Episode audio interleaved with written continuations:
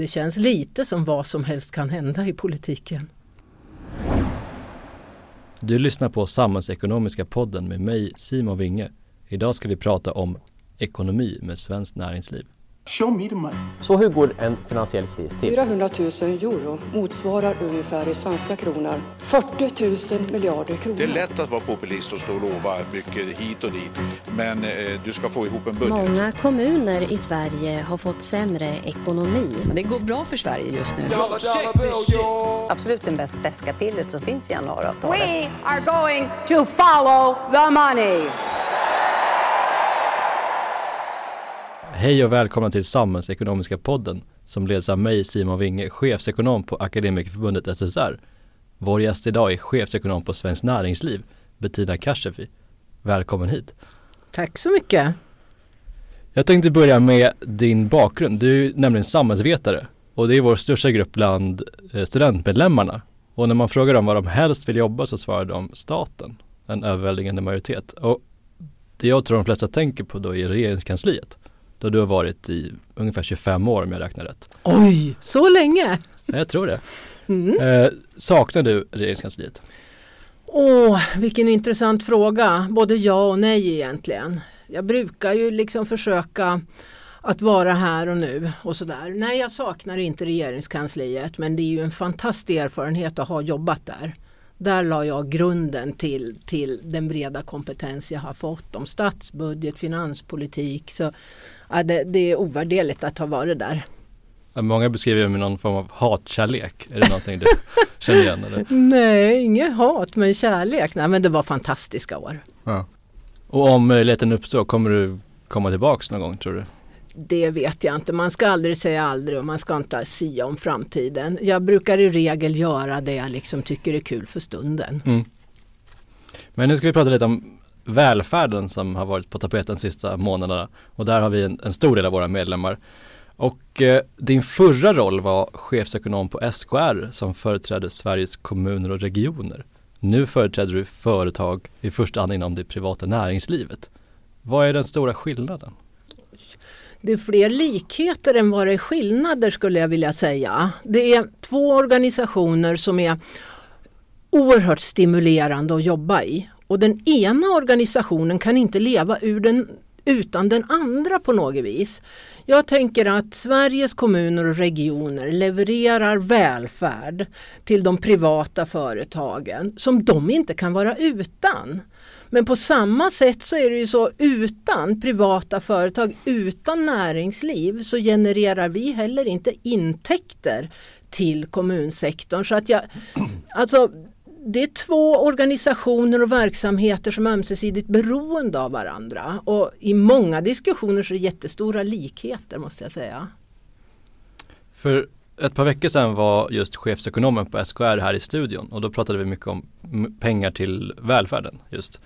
Och SKR menar då att det behövs betydligt mer pengar än idag eh, till kommuner och regioner. Du däremot säger att detta är citat fel botemedel, slutcitat. Och att det är en myt att pengar skulle lösa några problem. Borde välfärden få mindre pengar?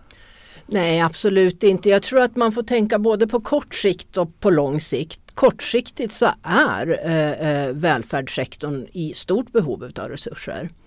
På lite längre sikt så tror jag pengar inte är botemedlet därför det finns inte människor oavsett om vi hade haft obegränsat med pengar så finns där inte tillräckligt med arbetskraft.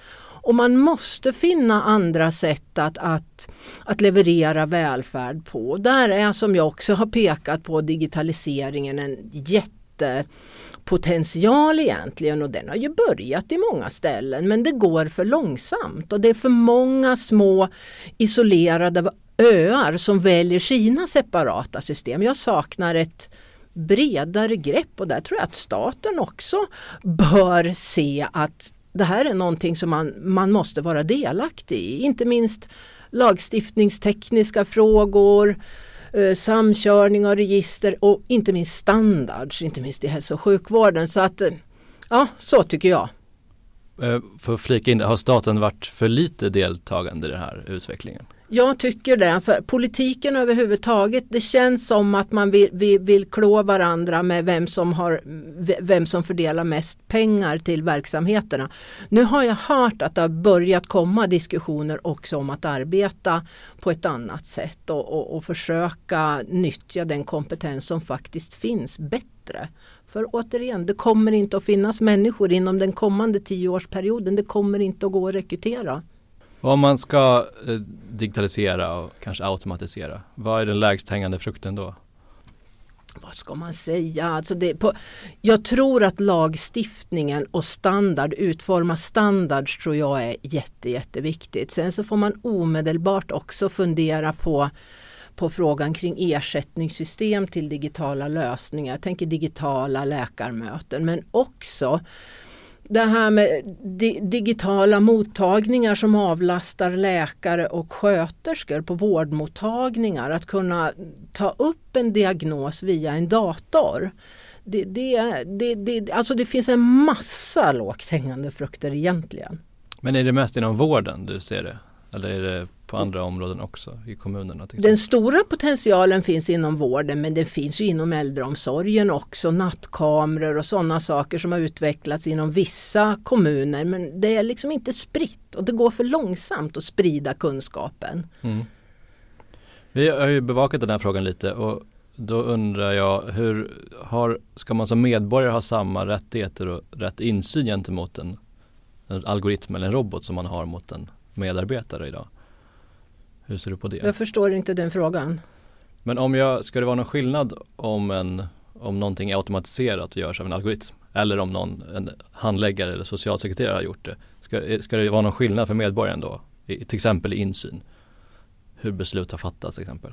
Den frågan har jag inte reflekterat över överhuvudtaget. Jag tänker om du har en algoritm eller en robot som till exempel detekterar bröstcancer Eh, eh, som kan vara väsentligt mycket bättre än en individ som detekterar bröstcancer eller prostatacancer. Det är en fråga. Men vad tänker du på det här med företags eh, hemligheter och den typen av frågeställningar. I så fall förstår jag vad du menar, annars så förstår jag inte. Ja, men det tror jag är en aspekt. Vi har sett exempel, det finns en kommun, i Trelleborgs kommun har infört en automatisering mm. av social ja, i försörjningsstöd. Mm. I, den känner jag till, absolut. Ja. Och då har vi erfarit att vi har fått sämre insyn i hur den jobbar och fattar beslut utifrån socialtjänstlagen. Och det tycker vi är fel. Så det var mer det, ska, ska man ha samma mm. rätt att faktiskt se hur ett beslut har fattats eller följa det? Ja det bör man ju, man, ja. bör, man bör ju ha insyn i algoritmen för det är ju liksom en handläggare som är automatiserad så det tycker jag är ju självklart. Mm. Ja men det var det och då, mm. precis. Um, jag skulle vilja återkomma lite till skillnaden mellan er och SKR? För jag tolkar ändå som att ni inte är riktigt överens om hur mycket pengar som ska till välfärden. Men vad är ni överens om? Ja, det vi är överens om det är att du har ju ett väldigt svagt samband mellan hur mycket pengar du sätter in i en verksamhet och vilken kvalitet du får ut. Så att höga styckkostnader i till exempel vården, i till exempel skolan, i till exempel äldreomsorgen är ingen garant för att du ska ha en hög kvalitet. Och det är vi väldigt överens om. Sen är vägen att hitta former för att öka effektiviteten, få ut mer bra välfärd för en och samma peng. Det, det är ju utmaningen att finna vilka vägar man ska gå. Mm. Men där är vi väldigt överens och där har vi tagit fram ett antal rapporter liksom SKL. Mm. Vi nyttjar ju SKLs dat datamaterial, Colada. Mm. Och tittar så att ja, nej men där är vi väldigt överens. En fråga som de har pratat mycket om är de riktade statsbidragen som de menar gör minska effektiviteten. Och de är väldigt kritiska, de vill istället ha generella statsbidrag. Hur ser ni på det? Gör kommunen rätt saker eller behöver de styras lite mer av riktade bidrag? Nej, jag tror att man, kommunen är reglerad och kommunen har sitt uppdrag och de här riktade statsbidragen det är ett riktigt elände för verksamheterna. Och dessutom så håller jag ju verkligen med SKR att, att det finns ju en risk till och med att de som mest behöver pengar de har minst möjlighet att söka de här specialdestinerade statsbidragen. För det är ju förenat med en enorm administration att söka de där pengarna. Så att där är jag helt överens med Sveriges kommuner och landsting. Ja. Du nämnde tidigare att det kommer inte gå att anställa så många som behövs i välfärdssektorn i framtiden och vi har pratat också mycket om det att det är svårt att hitta eller svårt med kompetensförsörjningen. Mm. Hur ser du ändå att kompetensförsörjning till välfärden ska kunna säkras? Ja, det är ju bara att göra en kalkyl. Nu titta, tittar vi de tio, tio år framåt som kommer så visade SKR i sin, tror jag, senaste eller näst senaste rapport. Skulle SKR eh, få anställa alla de skulle behöva anställa till följd av den demografiska utvecklingen och behovet av personal, då skulle alla personer som är sysselsatta gå till den sektorn och det är klart det är ju helt omöjligt. Så att det är ju ett dilemma. Vi kan inte fortsätta att jobba med samma intensitet på personalen som tidigare om vi vill bibehålla välfärden. Så att ja, det är ett problem, det är ett faktum. Du vill ha några medarbetare kvar till dina medlemsgrupper? Ja, jag tycker det vore bra. Jag tror det vore bra för välfärdssektorn också om vi hade ett näringsliv som genererar skatteintäkter. I privat sektor har lönespridningen ökat ganska mycket över tid. Bör den göra det även inom den offentliga sektorn? Lönespridningen har inte ökat eh, på något dramatiskt sätt i den, i den eh, privata sektorn. Och tittar man på den offentliga så ja, man kanske skulle behöva ha en ökad lönespridning så tillvida att man kan göra, och det är ett jätteproblem inte minst i, i den offentliga sektorn att man går in då på relativt höga löner. Och sedan har man ingen lönekarriär så i vissa delar av välfärden men också i inom vissa privata sektorer så är det väldigt svårt att få en lönekarriär vilket innebär att du får en väldig rullians på personalen och vill man ha stabila arbetsgrupper så kan det finnas starka skäl att man ser att man ha, kan göra en lönekarriär också inom det yrke man har valt. Utan att behöva byta mellan arbetsgivare? Ja men precis, precis och det tror jag skulle gagna många arbetsplatser att få en större stabilitet. Mm. Från riksdag och regering har de senaste veckorna eh, hörts väldigt mycket olika bud om hur många extra miljarder som ska tillföras kommunerna och regionerna. Hur ser du på den här debatten? Som jag sa alldeles nyss så tycker jag att man bör i nästan samma andetag säga att nu tillför vi extra resurser för vi har ett krisläge i verksamheterna. Det ser vi inte minst inom hälso och sjukvården. Men jag tycker också att det skulle vara jag tror att det vore bra för verksamheten om det skickades tydliga signaler att det kommer inte att kunna fortgå med extra resurser ständigt. Och också påminna om det jag sa, att det kommer inte att finnas människor. Utan stötta upp med behovet av förändring och effektivisering. Nu görs det ju jättemycket i kommuner och landsting redan nu. Men alltså fortsätta och kanske också diskutera på vilket sätt man kan stötta verksamheterna genom lagstiftning och standards och sådana saker. En kritik har varit att det blir ganska ryckigt när liksom årets pengar är föremål för riksdagsdebatt mm. samma år. Ser du att man skulle behöva indexera de generella bidragen för att få en större långsiktighet för kommuner och regioner? Nej, inte indexera, det, det, det tror jag inte.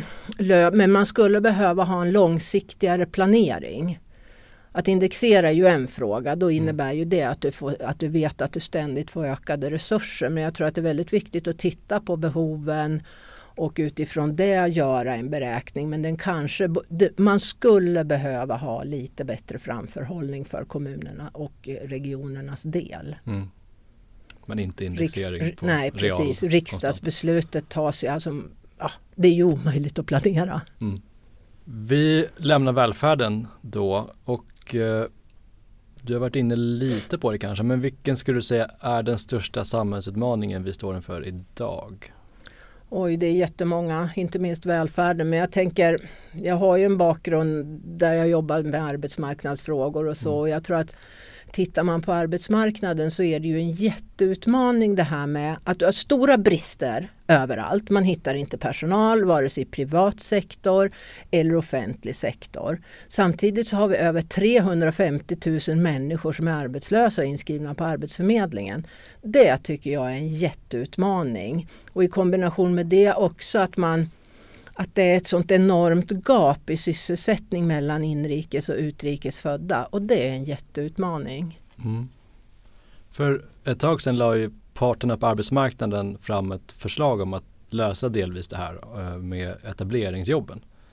Regeringen eh, la dock fram ett förslag som ni tillsammans med LO och Unionen är mycket kritiska till i ett gemensamt remissvar. Ni menar att det inte är samma förslag som parterna faktiskt la fram.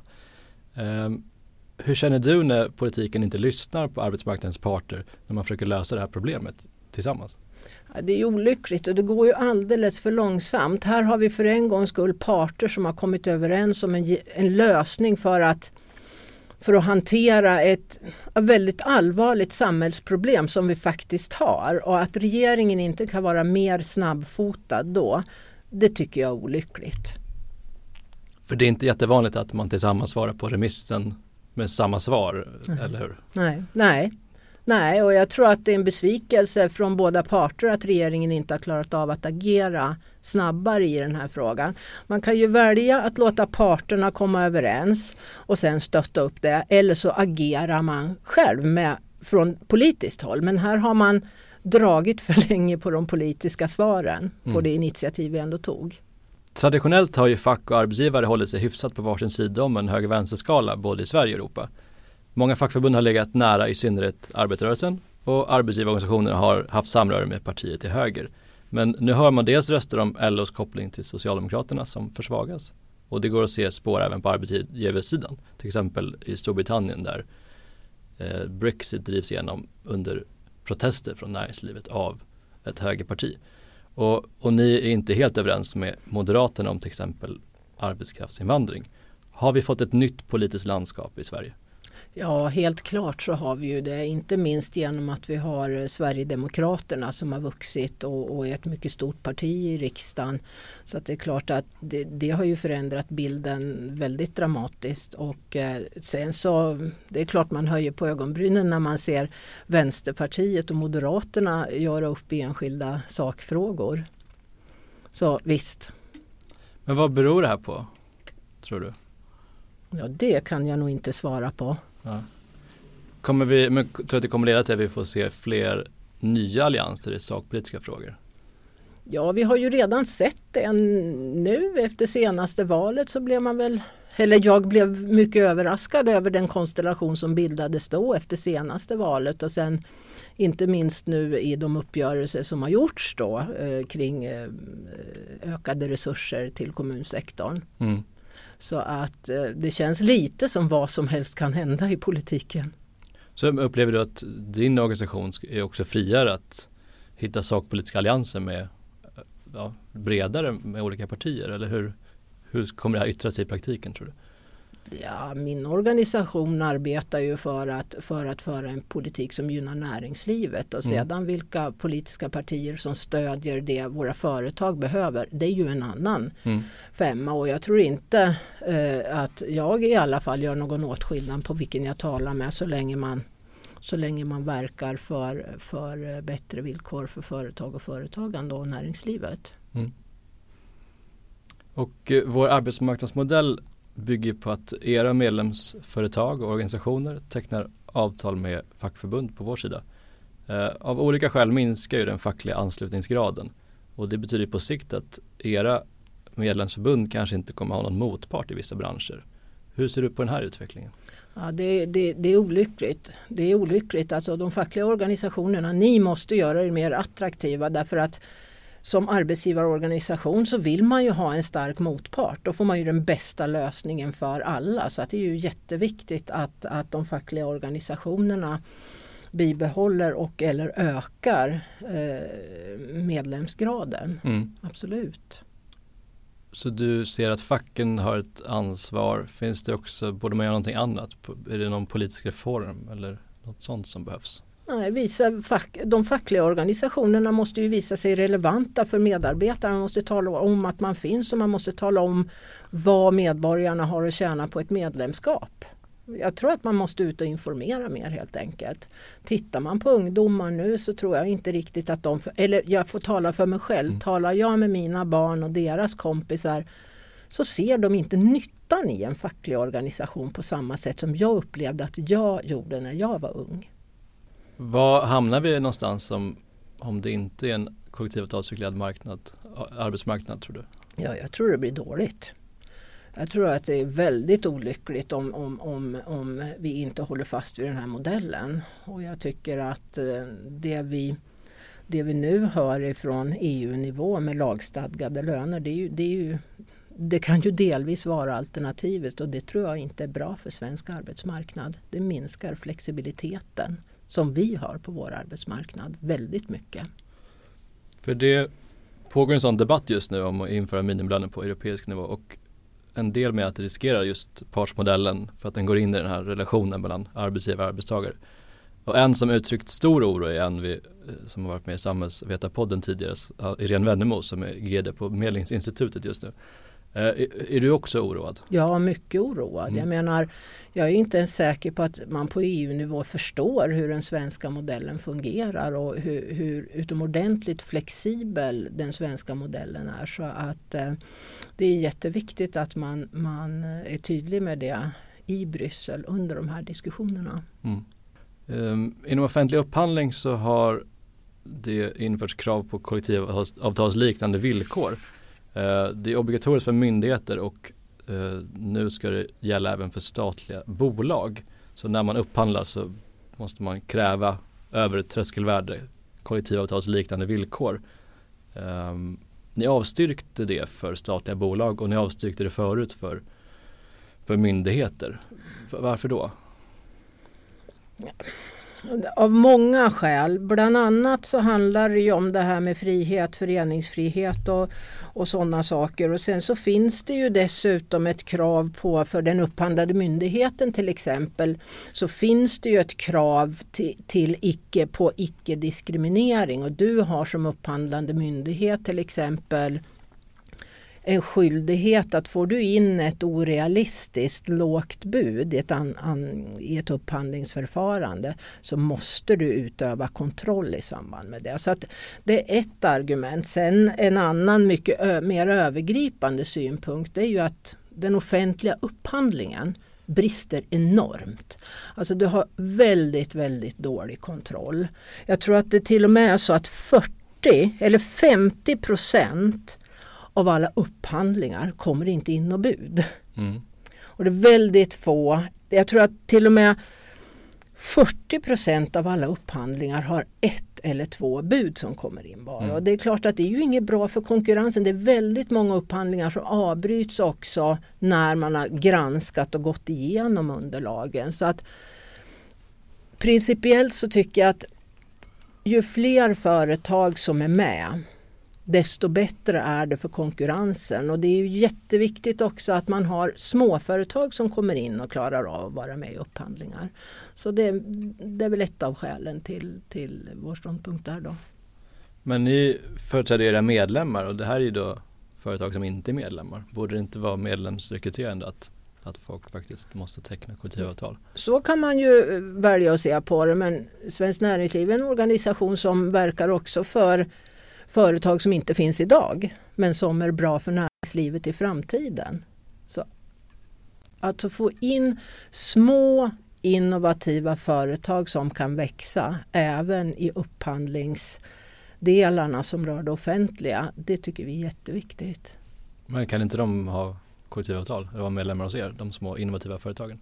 Det kanske de har med tiden men det kanske, inte, det kanske inte finns skäl att ha kollektivavtal just om man är en eller två. Man kanske, man kanske inte ens har börjat fundera på att börja anställa och då, då är inte det första man tänker på kollektivavtal. Mm.